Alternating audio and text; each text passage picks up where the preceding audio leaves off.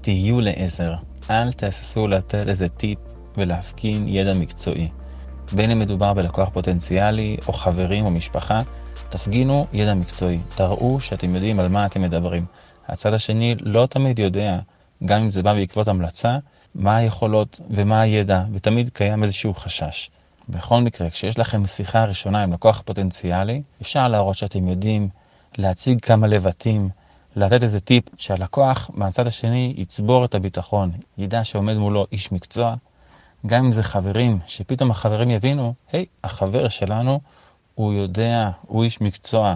לקוחות הראשונים הרבה פעמים באמת מגיעים ממעגלים ראשונים, ממשפחה, מחברים, מקולגות, לקוחות מביאים לקוחות, והמפגש הראשוני, כשבעל מלאכה כלשהו, בעל עסק כלשהו, רואה שעומד מולו איש מקצוע שיודע על מה הוא מדבר, זה ייתן לו את הביטחון והוא ירצה לעבוד איתנו.